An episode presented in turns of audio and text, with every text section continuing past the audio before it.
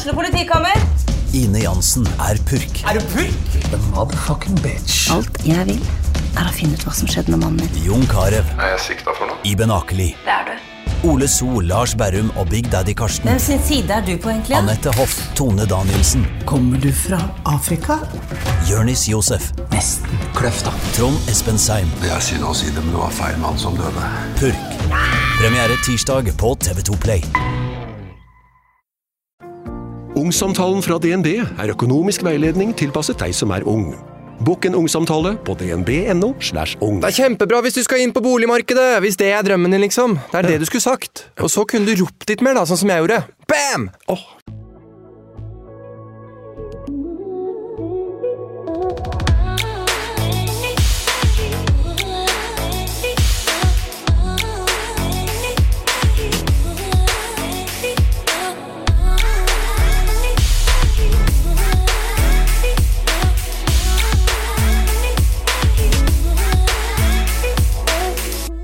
Når jeg googler eh, plastisk kirurgi, får jeg opp nesten 400 000 søkeresultater. Det dukker opp en haug av klinikker som tilbyr meg både det ene og det andre, og den ene behandlingen, operasjonen etter den andre. Det dukker opp eh, bøttevis med fakta, det dukker opp skremmende bilder, og lykkelige mennesker. Jeg skal ikke legge skjul på at jeg har et veldig ambivalent forhold til eh, plastisk kirurgi. Eller, når jeg tenker meg om, så har jeg egentlig ikke noe forhold til det i det hele tatt. Annet, annet enn at jeg har lest om det og sett Altså de gangene jeg har sett det.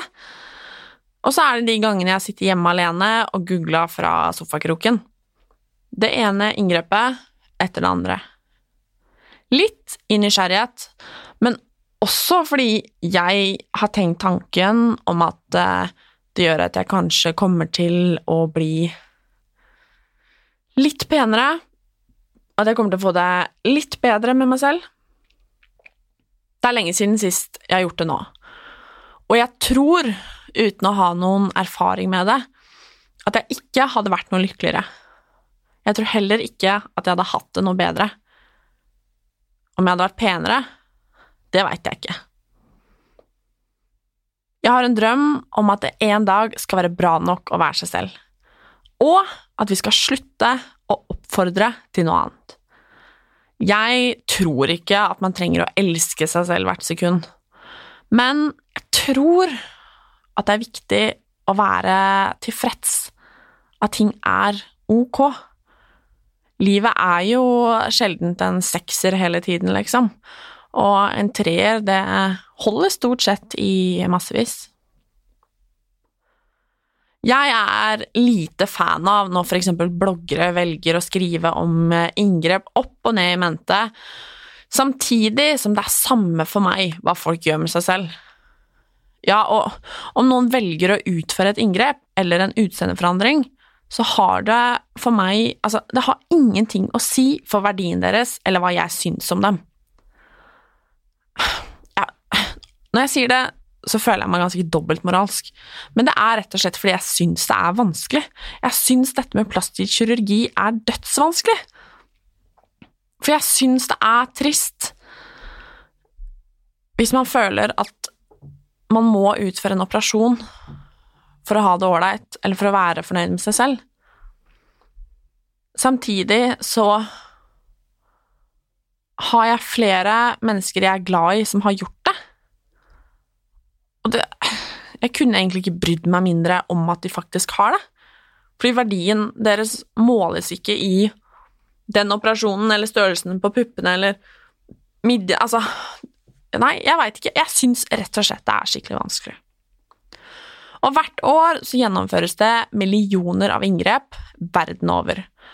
Og selv om mange av oss kanskje tenker på opererte kjendiser, eksempel, når vi tenker på plastisk kirurgi, så er jo plastisk kirurgi veldig mye mer.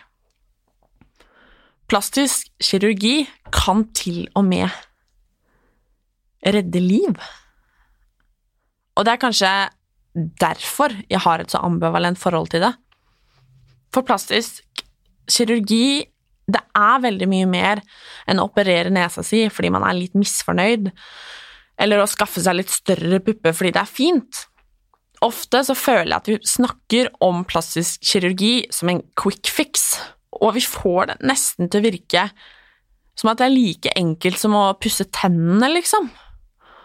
Og personlig så savner jeg at vi snakker mer om baksidene. Kanskje litt mer om det psykiske, og hva det faktisk innebærer å utføre en sånn, eller et sånt inngrep. Jeg har en haug av spørsmål, og i dagens episode snakker jeg derfor med overlege doktor Kalaji, som er spesialist i plastisk kirurgi, og som er leder for Norsk forening for estetisk plastikkirurgi. Det var vanskelig å si. for hva er det vanskeligste jobben hans? Har han noen gang nekta noen å utføre et inngrep? Hvilke fordeler er det med plastisk kirurgi? Hvorfor har han valgt den jobben han har valgt? Hvordan ser en arbeidsdag ut? Ja, er det mange som egentlig angrer?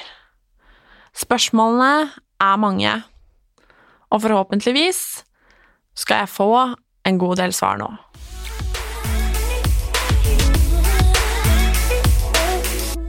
Velkommen, doktor, nå skal jeg prøve, Kalai? Ja, det var, det var, litt vanskelig, men uh, Helt riktig. Amin, nå klarte jeg det. Jeg klarte ikke så bra i stad. Perfekt uttalelse, ja. Det kan være ikke litt, da. Nei, det var Men nå Kalai. Stemmer. Ja, perfekt. Hva man lærer.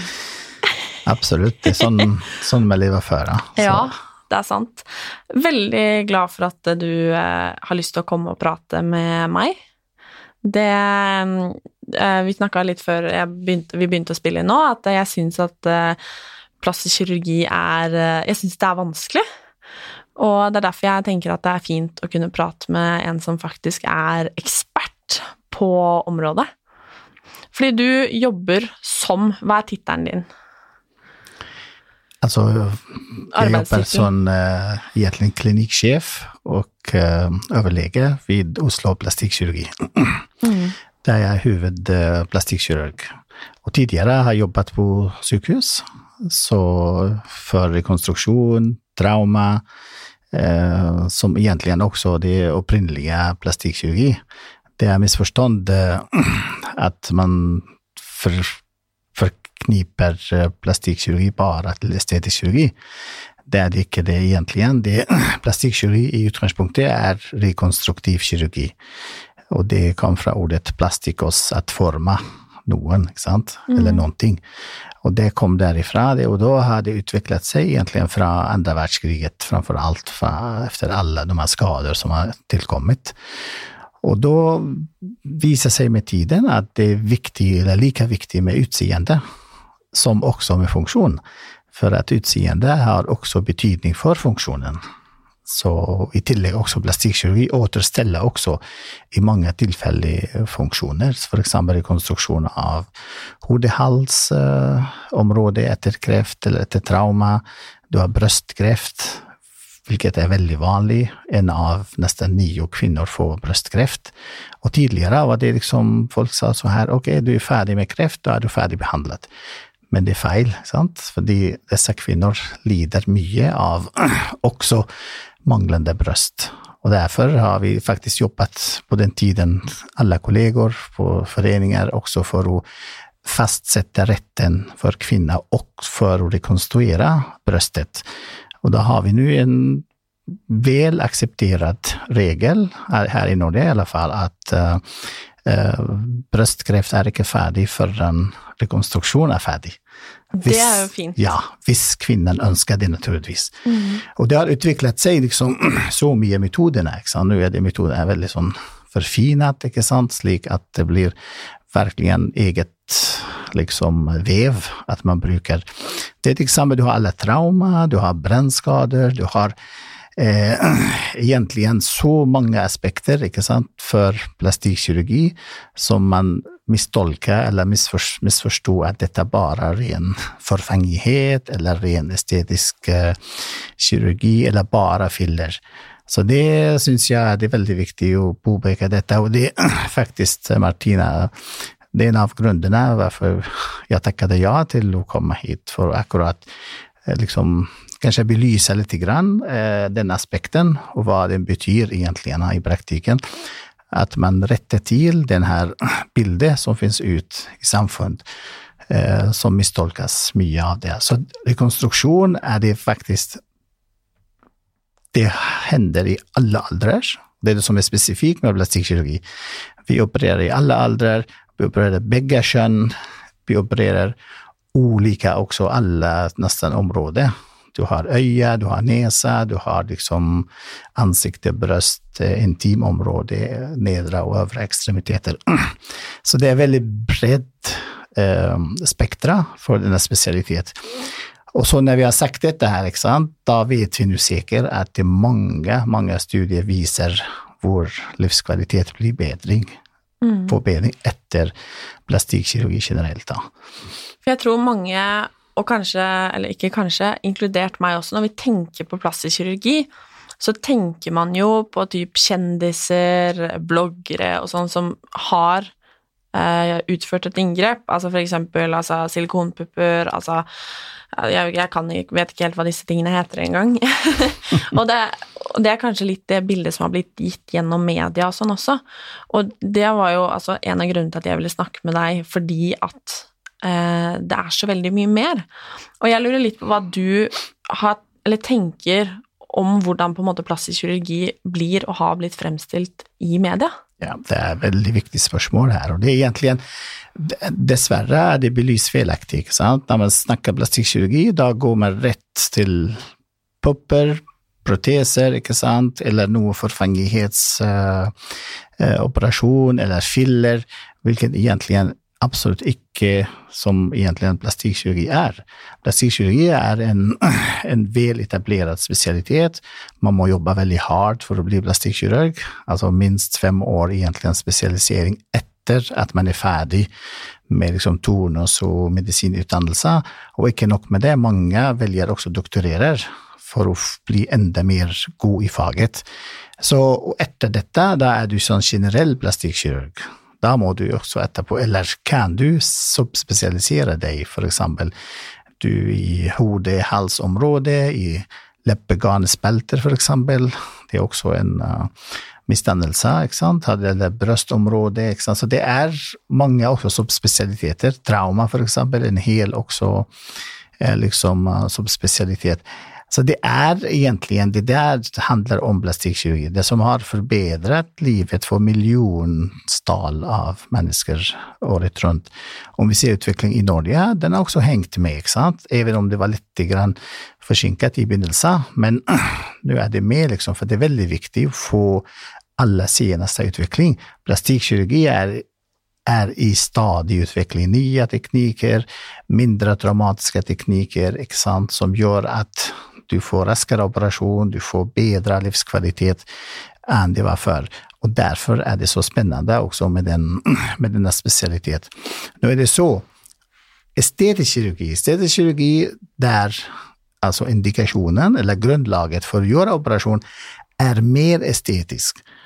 Fordi alle estetiske operasjoner, nesten alle, har noe, mer eller mindre noen rekonstruksjonskomponent, plastikkomponent. Når vi gjør øyelokkplastikk, eksempel, hengende øvre øyelokk, det har man liksom litt mer ubehag. Så det er, det er, estetisk også. Jeg mener, når vi også bygger en bryst på en sånn brystkreftkvinne, det er også estetisk komponent. Det er derfor den heter, vår spesialitet heter plastikkforma, sant. Mm. Gjøre noe.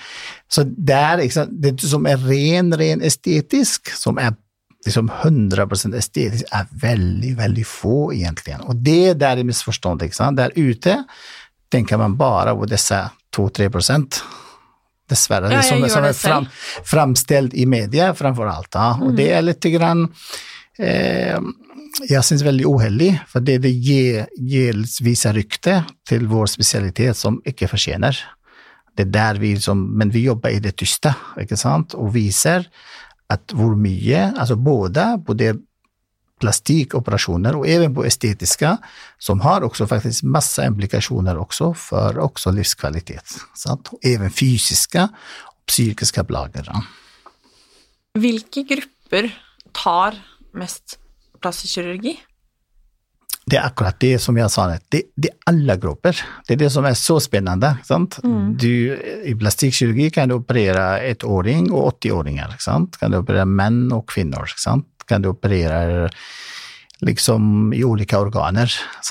Mm. Det er det som er altså hva den definisjonsmessig hvor det trengs rekonstruksjon og tilbyggnad, ikke sant da er plastikkirurgi der. sant? Mm. Eh, gjøre lepper, eh, fylle defekter ikke sant? etter sår, trauma eksempel, eller kreft også. Da kommer plastikkirurgi. Det derfor er Eller alders også forandring. Så den er også en del av um, spesialitet, eller bare virksomhetsområde for, for plastikkirurgi. Så det du egentlig sier, er at de som på en måte tar plastisk kirurgi bare for å bli penere, egentlig, sånn som jeg kanskje tenker på plastisk kirurgi, det er nesten ingen?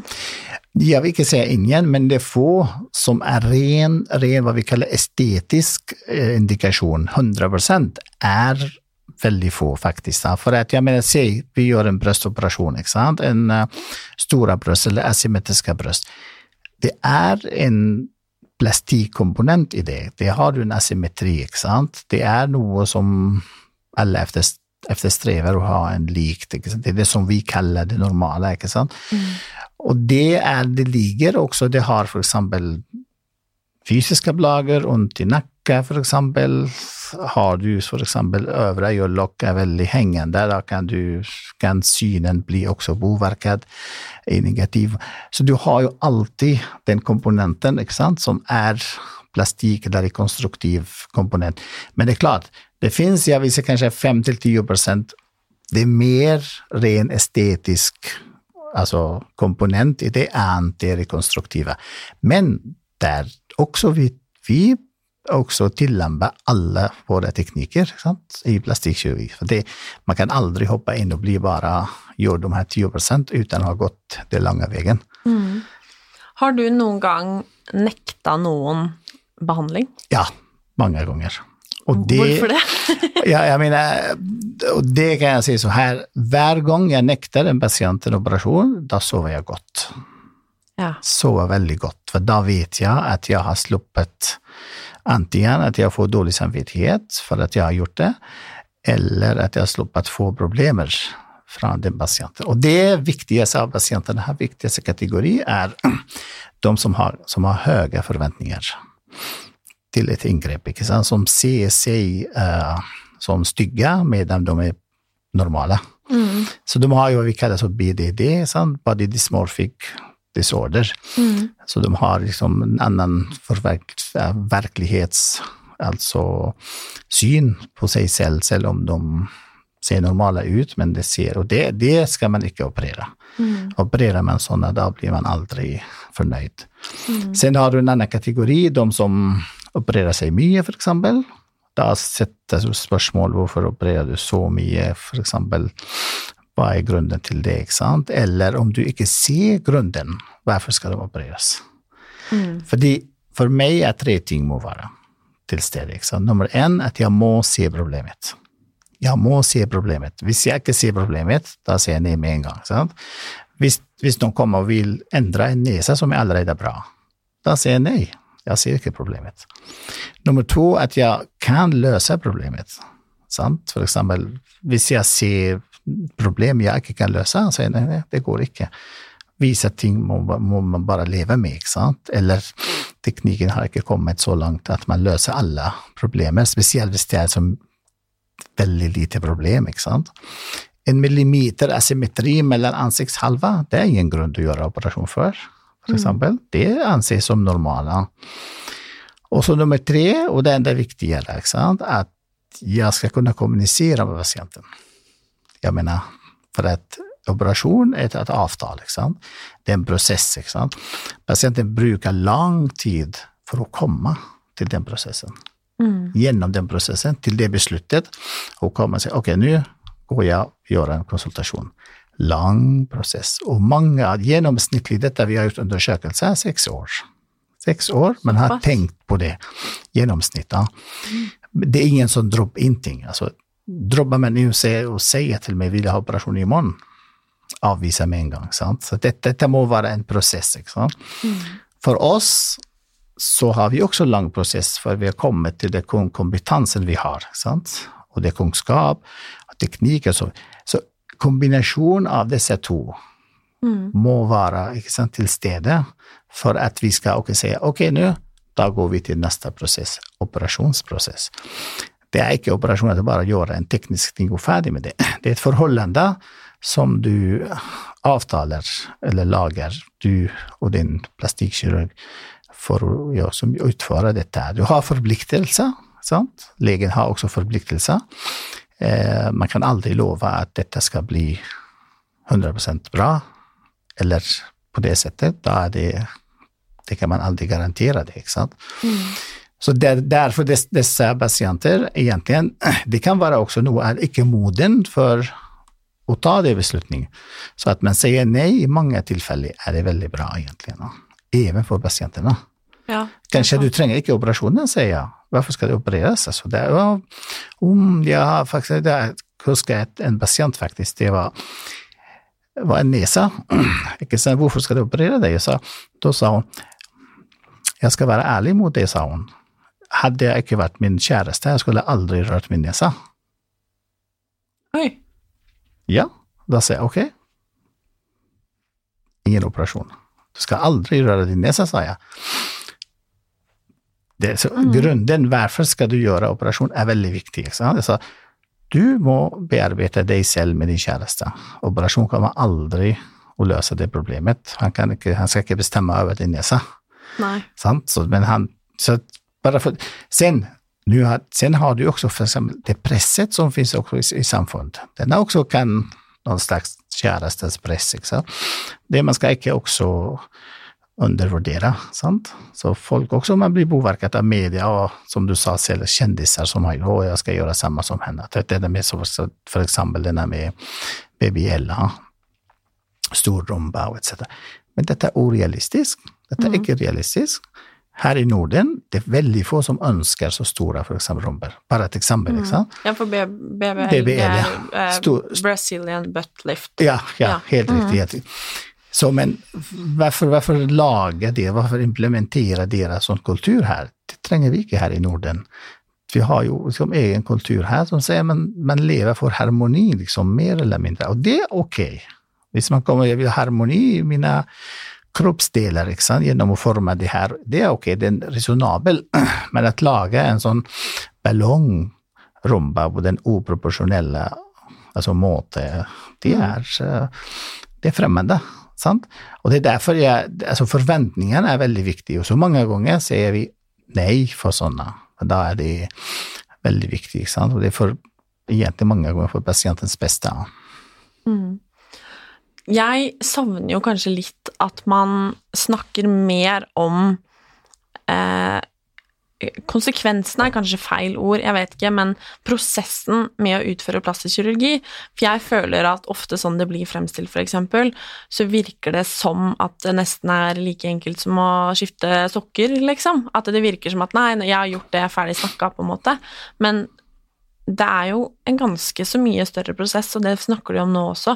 Og det er jo en psykisk påkjennelse. Det er jo Det kan jo være Altså, hvorfor snakker vi så lite om det, tror jeg, tror du? Og hvilke Hva innebærer egentlig den prosessen?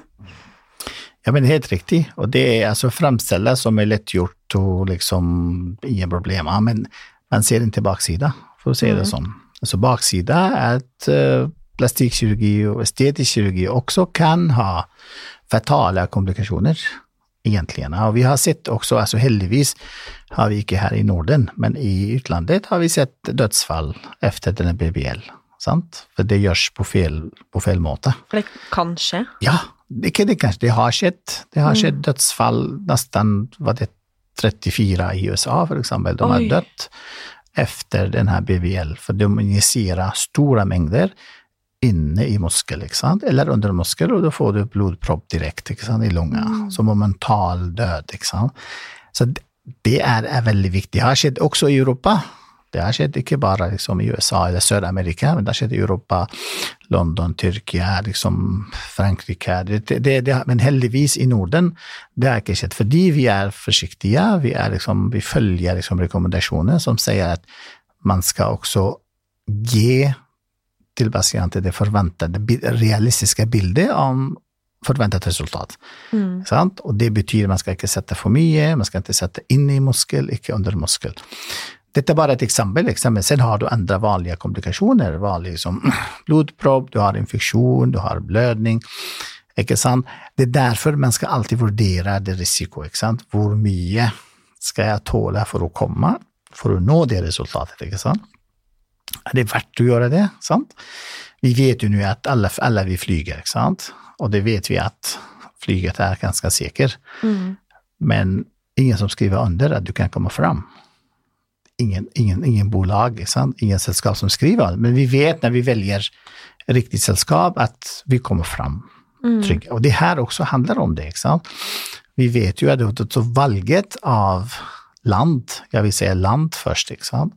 Og sen klinikk er veldig viktig ikke sant? for å kunne liksom Og så anses vi her i Norge egentlig er ganske trygge, ja, for vi er jo veldig godt organisert. Vi følger liksom, vi har veldig sterke etiske regler også, så vi lytter alltid på pasientene. Vi skaper aldri behov, for eksempel. Det ligger i vår, ikke sant, våre mm. etiske regler. Eh, sen dessverre, det finnes også mange, det, det, må jeg bare også si det helt høyt opp, og det gjennom deg kanskje få opplyse dette, mange som reiser til utlandet, hva vi kaller som medikal turisme som vi anser at det er virkelig veldig, veldig feil. veldig feil. Mm. Jeg sier ikke at alle går det galt med, men når det går galt der, da er det galt. ikke sant? Da setter man seg eh, i høy risiko sant? i forhold til økonomiske, som man tror at er billig, men det er det ikke. det, ikke sant? Kvaliteten, sjekke dokumentasjonen for lege, for sykehus, eller om det inntreffer en komplikasjon hva gjør man da? ikke sant? Mm. Så disse altså, problemstillinger må man alltid tenke på. ikke sant? Jeg har, jeg har jo faktisk hatt mange tilfeller av de som opererte i utlandet, og så kom tilbake, og de er fortvilet. ikke sant?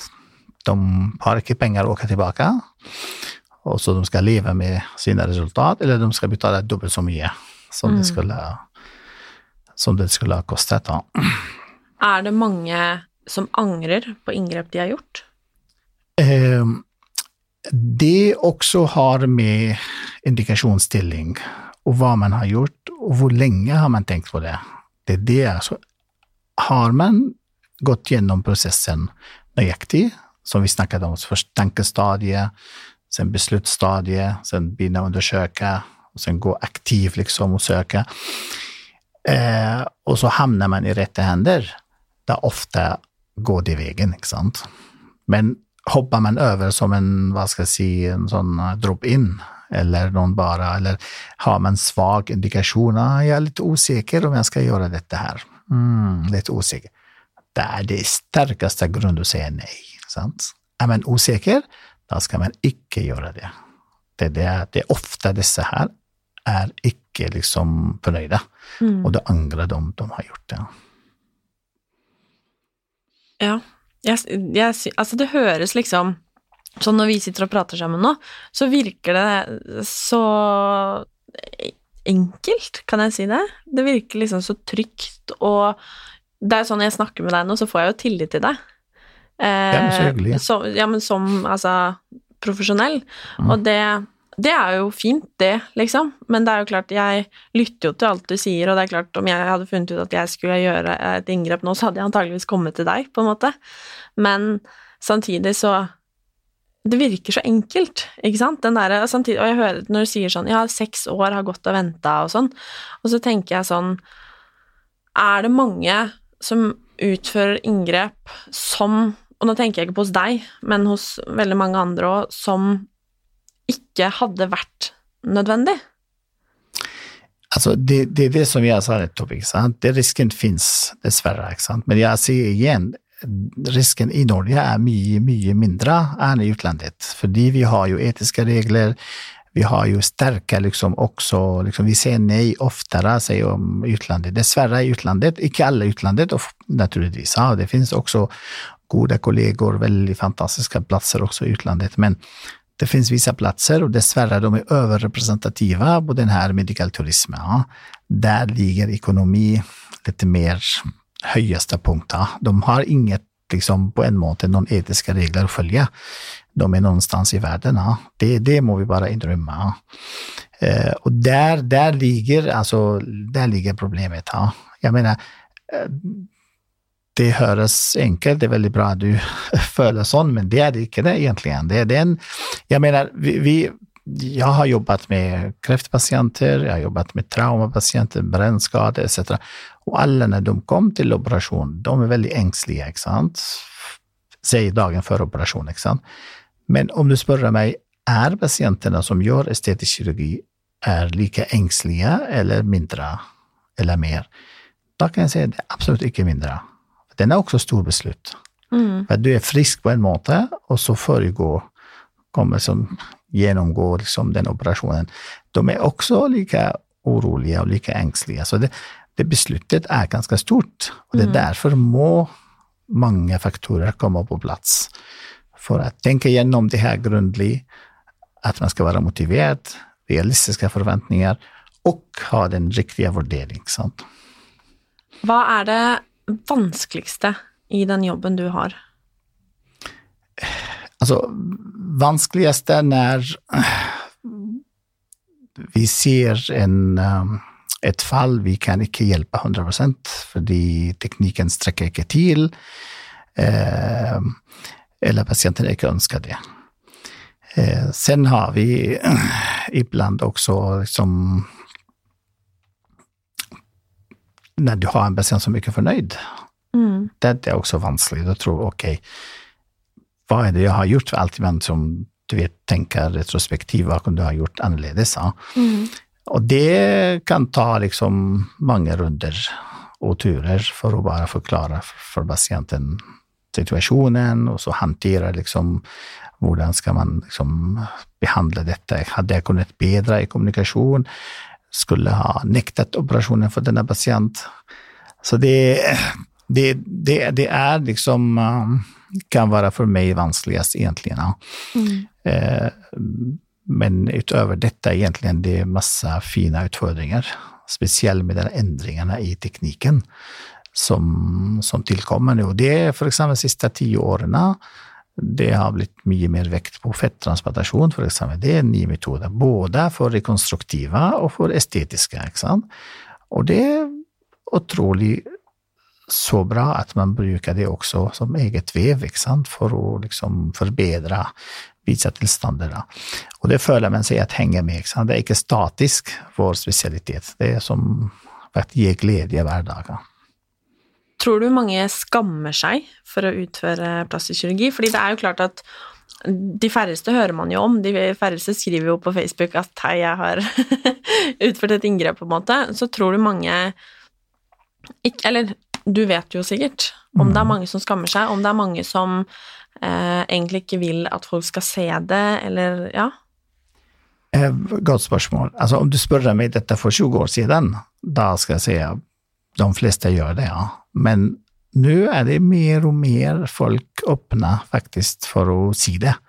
Mm. Kanskje ikke gå på gata og skrive på panna, det gjør de ikke, men jeg mener Men det er mer åpen å si det, liksom. Ja. Nå, altså, I alle fall til venner, altså nære kretsen, naturligvis nære familien. Men jeg må si også så her, altså uansett hva denne kommer å slutte i forhold til utviklingen, ja, dette kommer å bli en privat sak forbli også det. For jeg mener, folk vil ikke dele Det er en, intim, en, en uh, privatsak. Så folk føler at det er en del av deres på en måte identitet, og vil ikke liksom avsløre dette her, og det må man respektere. Mm. Men, men, som tabu generelt, det er mindre enn før. Det er det i alle fall min følelse. Uh, nå, nå, lurer jeg på, for er det mange menn som utfører liksom estetisk kirurgi? Eh, altså menn i prosent er det egentlig igjen mellom 10 og 15 prosent. Det er Så mange? er det mange. Er det ikke det? Du har jo 85 til 90 kvinner. Og bare Det er mange. Det var lille til 10 menn. Det er lite. Men hvor mange altså, ja, Hvordan synes... ser en vanlig arbeidsdag ut for deg? Jeg tenker på hvis det er hvis så mange operasjoner eh, i, i løpet av et år Mm. eh, Hvordan Altså, ja, hvordan ser en vanlig arbeidsdag Ja, ut, med tanke på at du også Altså, du opererer jo. Ja, ikke sant. Det er egentlig min hovedsysling. Mm. Operasjoner. Så egentlig, se, se en, en vanlig operasjonsdag, ikke sant. Så begynner jeg klokken åtte, sant. Og så eh, på første operasjonspasient, så, så treffer vi en gang til, for det pasienter må vi ha truffet minst én gang, minst én gang, tatt bilder, snakket om hva vi skal gjøre, etc. Og når vi er enige, så går man til operasjon, ikke sant. Og når pasientene pasienten har forberedt seg, etc., så har vi det siste sjekket på en måte, ikke sant. Så snakker vi grundig om operasjon, tegner på riktig nå. Og så hvis pasienten har annerledes ønskemål, har endret på noe, etc., størrelse på protes, eller hvor man skal ta fett, eller eh, da tar man hensyn til det hvis det går. Og så treffer pasienter også anestesilege eller anestesisykepleier, som begynner å få premedikasjon, og så begynner første operasjon. Sant? Så det er vanlig, vanligvis har jeg liksom, si, mellom fire og seks operasjoner per dag. Sant? Wow. Altså, noen operasjon tar eksempel en time, så det rekker man egentlig å ha det. Så det er jo så enda tar to timer, eksempel. Liksom. Så har vi med fire operasjoner, eksempel. Da har du liksom, så venter du ca. en halvtime mellom to operasjoner, til at man er inne og ut. Og så ser jeg på alle de mine pasienter før de går. Da er vi ferdig med operasjon, setter på bandasje, så pasienten kommer ut til oppvåkning. Og så, så forberedes pasient nummer to, ikke sant. Så, så jeg sier alltid på mine pasienter får de drar. Sjekke bandasje, alt er bra, snakke med dem, ikke sant. Og så får de kontroll alltid dagen etter. Så det har jeg som en fast prosedyr. Alle pasienter må komme dagen etter til kontroll. Så på, på det settet, liksom, på den måten, så har jeg liksom en full arbeidsdag med hele operasjonen. Ikke sant? Så jeg er ferdig fire-fem-tiden. Avslutter seks, for eksempel. Sånn, det er en vanlig operasjonsdag. Så det er ikke alle dager jeg opererer. Jeg har andre dager som der jeg har konsultasjoner og kontroller. Og da blir det også, også ofte fulle dag, sant. Så det er pasientene får mellom si 15 minutter til 40 minutter, avhengig av hvilken diagnose, hva man, hva man kommer til, etc. Eh, og så Jeg forsøker å unnvike å ha både konsultasjon og operasjon samme dag. Mm. Det tar litt ifra konsultasjon. Så enten operasjonsdag eller eh, konsultasjonsdag og kontrollsdager. Det er jo eh, veldig mye snakk om dette her med unge jenter spesielt, som liksom eh, tenker på operasjoner, og man kan lese artikler om jenter på 18 år eh, som har spart eh, alle konfirmasjonspengene for å gjøre en operasjon, og, og jeg lurer litt sånn på Hvis jeg hadde kommet til deg, da, og sagt at jeg ville Jeg vet ikke, endra på Jeg har fått større pupper, da, for eksempel, og liksom hadde spart og For det første så lurer jeg på om det er mange av de, og så lurer jeg på For det virker jo sånn, altså hvis man leser i media og sånn, at det er så veldig utbredt, og så lurer jeg på hva kanskje egentlig du vil si til unge mennesker, da, som kanskje tenker at For veldig ofte så henger jo det sammen med et ideal. At eh, jeg føler meg ikke pen nok, eller jeg kan bli enda litt diggere, eller altså disse tingene her. Hva som liksom ordentlig, ordentlig proff på dette feltet her, hva, hva kan du si til de jentene som, eller guttene vidt, de unge menneskene som føler at de må operere noe for å på en måte bli penere, da? Godt spørsmål. Altså, og det er viktig også. Altså, først og fremst, jeg vil si så her, ikke liksom følge efter hva som står i media og i alle de her uh, celebrity uh, blogger og hva de gjør og ikke gjør, og i dag har jeg gjort det. Men ikke følg med. Les gjerne, for at man kan ikke lukke seg fra verden. Det kan man ikke. Fra omverdenen. Da må man lese, men ta det synda fornuft og tenke trenger du gjøre noe? Du har levd nå 18 år ikke sant? uten å gjøre det. Du har kompiser, du har kanskje kjæreste, du jobber, studerer. Trenger du virkelig gjøre det? Hvorfor kan du ikke vente med det? Så det, det, det, det, det grunnleggende spørsmål man må liksom virkelig stille seg, for det, det, gjøre en operasjon er en lang prosess. Og hver gang du tror at du er klar å gjøre dette i løpet av en eller to dager, da ligger noe feil i det. Da er du ikke riktig kandidat til å gjøre den operasjonen. Og det er ofte altså, kommer du ikke bli fornøyd med det.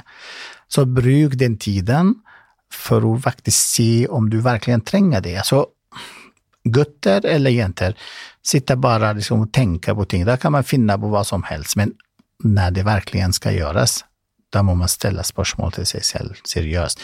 Trenger jeg gjøre det? Hvorfor skal jeg gjøre det? Er det verdt? Hva er det for Det fins ingen perfekt utseende. Det fins ikke. Det fins bare i imaginasjoner. Det fins ikke. Det, det, er veldig viktig. Så det, det fins harmoni, ja, men det fins ingen Å sitte og imitere en, en, liksom, en kjendis eller sånn, det er også feil grunnlag å utgå ifra.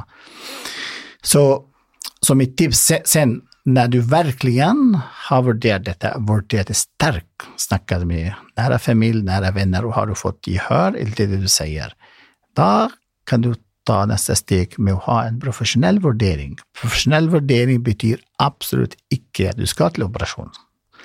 Profesjonell vurdering, det som vi snakket om, det er en lang prosess. Først tenkestadium, ikke sant. Det begynner liksom mer som funderinger, mer. Søke informasjon, så bli mer og mer liksom, inne i den tunnelen for å komme til konsultasjon.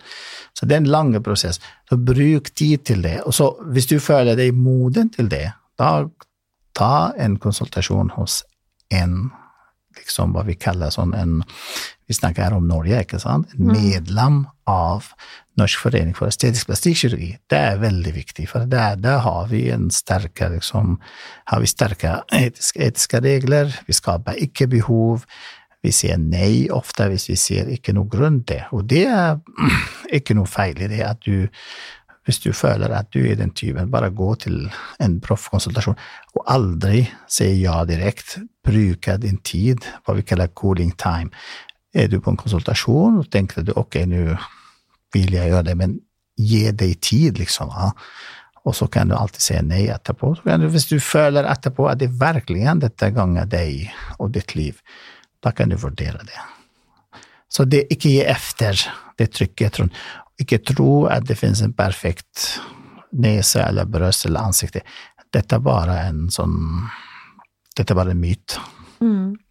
Syns du det er dumt eh, med for eksempel forbilder som Kall det romantiserer plastisk kirurgi, som for eksempel har tatt BBL, og liksom legger ut masse bilder av hvor fin den er, og at det kan gjøre at mange Eller vi vet jo at det gjør at mange tenker at åh, det har jeg lyst til å gjøre også.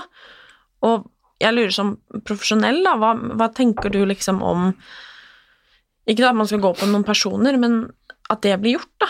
At man kanskje En ting er å være fornøyd med seg selv, det er ingenting er bedre enn det, men litt denne romantiseringa av operasjoner, da. Det er riktig, og det, det, det, det er akkurat der. Det, er her, her er egentlig en poeng. Vi kan ikke hindre, vi kan ikke stenge oss ut av verden. Ikke sant? Det går ikke. Vi må liksom lese hva som står, vi må følge med, etc.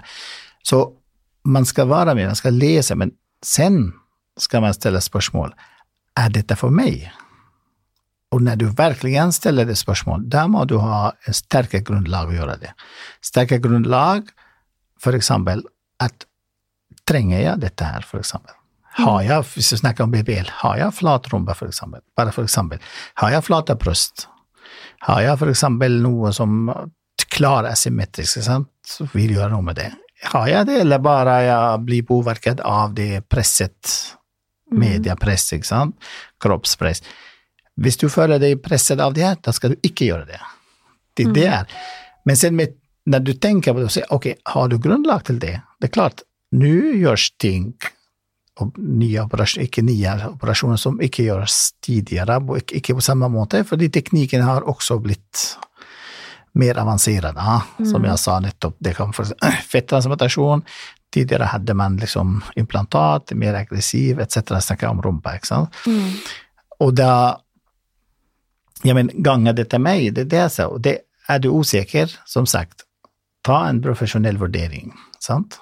Da, da vet du om, du om du er kandidat. Mm. Men velg rett sted. Det er veldig viktig. Så Norge er et trygt sted når du velger medlem av Norsk forening av stedisk plastikkirurgi. Det er trygghet for deg.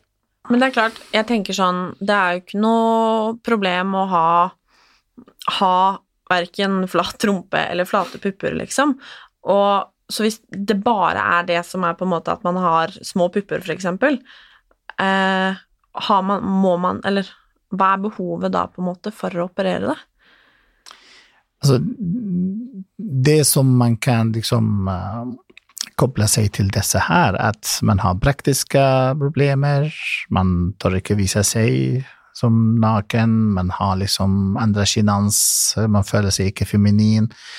Så det er det grunnlaget som man, man hører fra pasientene.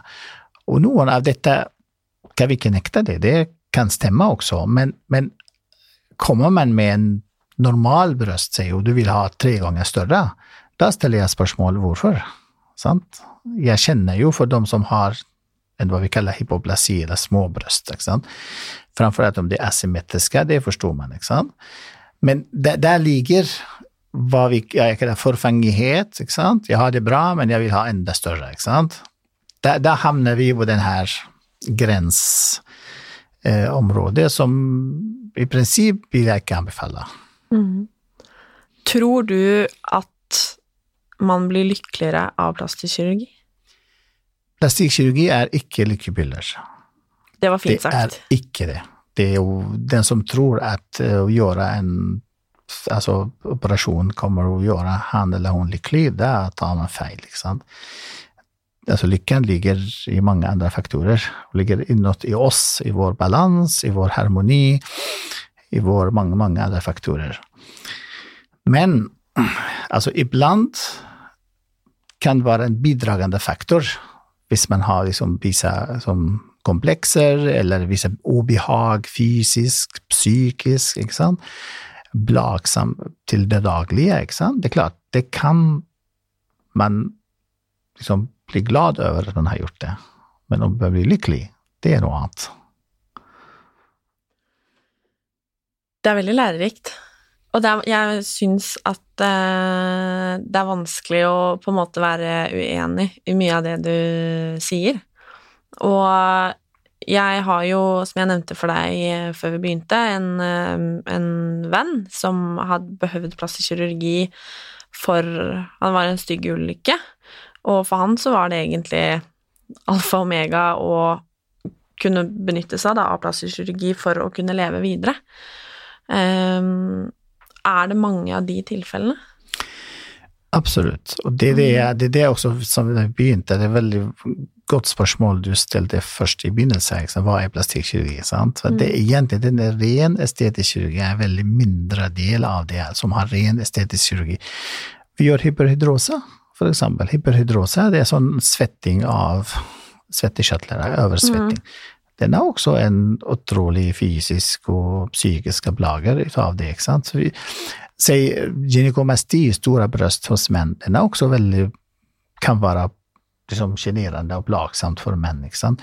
Eh, maveplasti, ikke sant? store bryst, ikke sant? alle disse her. Det er en liksom visse typer også av liksom asymmetri i kroppen, eller eh, Så det, det, dette er mange ting av det her sånn som er, har en fysisk og psykisk belastning. R-korreksjon, for eksempel. Eh, så du kan utstående ører. Det er også en som even hos barn, men også hos voksne. ikke sant? Det kan være også Det er liksom mange eksempel som egentlig altså, Går du for eksempel Ansiktsløft kan være for eksempel den mest estetisk enn det plastikkdelen av det, men utover dette even med nesa, det er mange har problemer med å puste, for eksempel, eller har også sjenans eh, liksom, med utseende etc. Så sånne ting kan man liksom forstå, at hvorfor skal man gjøre det? Men man skal gjøre det i rett tidspunkt, og at man skal være motivert og moden å gjøre dette. Det det er de prinsippene. Men igjen, altså alle, nesten alle typer av plastikkirurgi har en estetisk komponent. Det er derfor den heter egentlig plastikkirurgi. Mm. Det er sant. Jeg vet eh, jeg, Ja, jeg syns det er vanskelig med å vite 100 om på en måte hvilken side om, det, det, det, går ikke an å være for eller imot plastisk kirurgi. For det har jeg tenkt før, at jeg er jo imot eh, at uh, unge jenter f.eks. skal operere seg for at de tror at de skal bli kjempemye penere og bli lykkelige og er perfekte, liksom. Samtidig så er det bra for veldig mye annet, liksom. Og jeg blir jo glad for at det finnes eh, så uh, gjennomtenkte kirurger som deg. Det gjør det jo det trygger meg litt, på en måte, eh, på vegne av alle som eh, enten er avhengig av det eller velger å utføre det, på en måte. Og så er det jo en ting jeg er veldig opptatt av, og det er jo at ingens verdi ligger jo i hvordan man ser ut. Og det er jo samme om man har utført en operasjon eller ikke. Samtidig så er det jo viktig å ikke, som du sier her flere ganger, skape behov. Ikke oppfordre andre til å gjøre det, liksom. Og da skal jeg avslutte med et siste spørsmål, og det er, det er veldig stort, da. Men tror du at verden er et bedre sted av plastisk kirurgi? Altså, før jeg svarer på dette her, bare litt kommentar om, om din kommentar. For mm. det, det, altså, jeg sier to ting. Det ene er at jeg respekterer høyt, veldig høyt, den som sier 'jeg trenger ikke plastikkirurgi, jeg skal leve som det er. Det respekterer jeg virkelig. Fordi det er styrke også, for det er ingenting som du må gjøre egentlig. Ja. Mm. Men samtidig, vi må ikke klantre de som velger det. Det er det jeg ser sammen Når, når altså vilkårene, eller som vi snakket om, er til stede. ikke sant? Og det som du sier er veldig viktig, er det at, at jeg gjør ikke for andre, jeg gjør det for meg selv. Altså, ja, for eksempel, vi har jo det er for mange intervjuer også, du kan sikkert uh, se på det også om um, Det var en person som opererte med intimkirurgi, ikke sant. Var 50 år var hun, 48-50 år. Hun har barn og kjæreste, men aldri vært liksom i tanken at tidligere gjøre det, men hun har tenkt på det hele sitt liv, ikke sant. Hun gjør ikke for sin mann, eller for, hun gjør det for sin egen del. Det der ligger liksom Kommer noen og vil gjøre en operasjon for forbedre liksom, forholdene eller finne kjæreste eller sånn, da er det veldig dårlig grunnlag. Som du sier, man må være liksom ikke sant, seg selv, man må bygge sin tillit til det man har, det er det. Sen får man hjelp i tillegg til det, da er det bra. Og der her kommer liksom eh, plastikkirurgi, og det kommer til et spørsmål. Svaret er absolutt ja, for det, er ikke, det er ikke tusen millioner av mennesker sant, verden over har fått nytte sant, av plastikkirurgi. Altså i krig, utenfor krig. Se for eksempel, du har jo liksom mange andre eksempler for invertert brystvorte. Det er også en, en tilstand som kan bare amning kan støre amning. Det, det, alle de her har en estetisk komponent, selv om utgangspunktet det er egentlig en rekonstruktiv eller plastikk. Sant? Det er også ca. 5-10 har denne tilstanden. Det er klart, de skal også få behandling. Man skal ikke skamme seg over en tilstand. Man skal søke, og det vi var, må være glade nå fordi da spør man ok, jeg spurte eksempel en kvinne hvorfor har du ikke tenkt på det den her for 50 år siden. Den gangen var jeg ikke engang ferdig TV. Men det visste jeg ikke om, men jeg hadde det problemet. Mm. Vi er mennesker, ikke sant? Tilverket av Gud, eller hva du kaller det. Det, det er, det fins i etter streven til harmoni, liksom. Vi kjenner når vi har plager, vi kjenner når vi har problemer. Men den tiden var ikke mulighet å gjøre det, av forskjellige grunner. Men nå vet vi, nå har vi mulighet. Vi har teknikken, og det er i stadig liksom forbedring. Så man skal være fornuftig naturligvis og velge den, men den finnes der.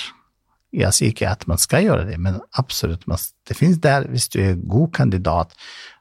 Du må vurdere det riktig, og så være den absolutt er bedre plass å leve i med plastikkirurgi. Tusen takk for at du ville komme og snakke med meg, og lære meg en hel del, for å si det sånn. så hyggelig å være her. Egentlig veldig glede å komme hit for å spride hva jeg syns personlig det er sanne liksom, plastikkirurgi, og at man skal liksom være återholdsom og tenke liksom uh, før man gjør uh, slike operasjoner. Og ikke dømme andre, det er viktig, ikke sant. Takk. Mm. Tusen takk. Takk så mye. Takk.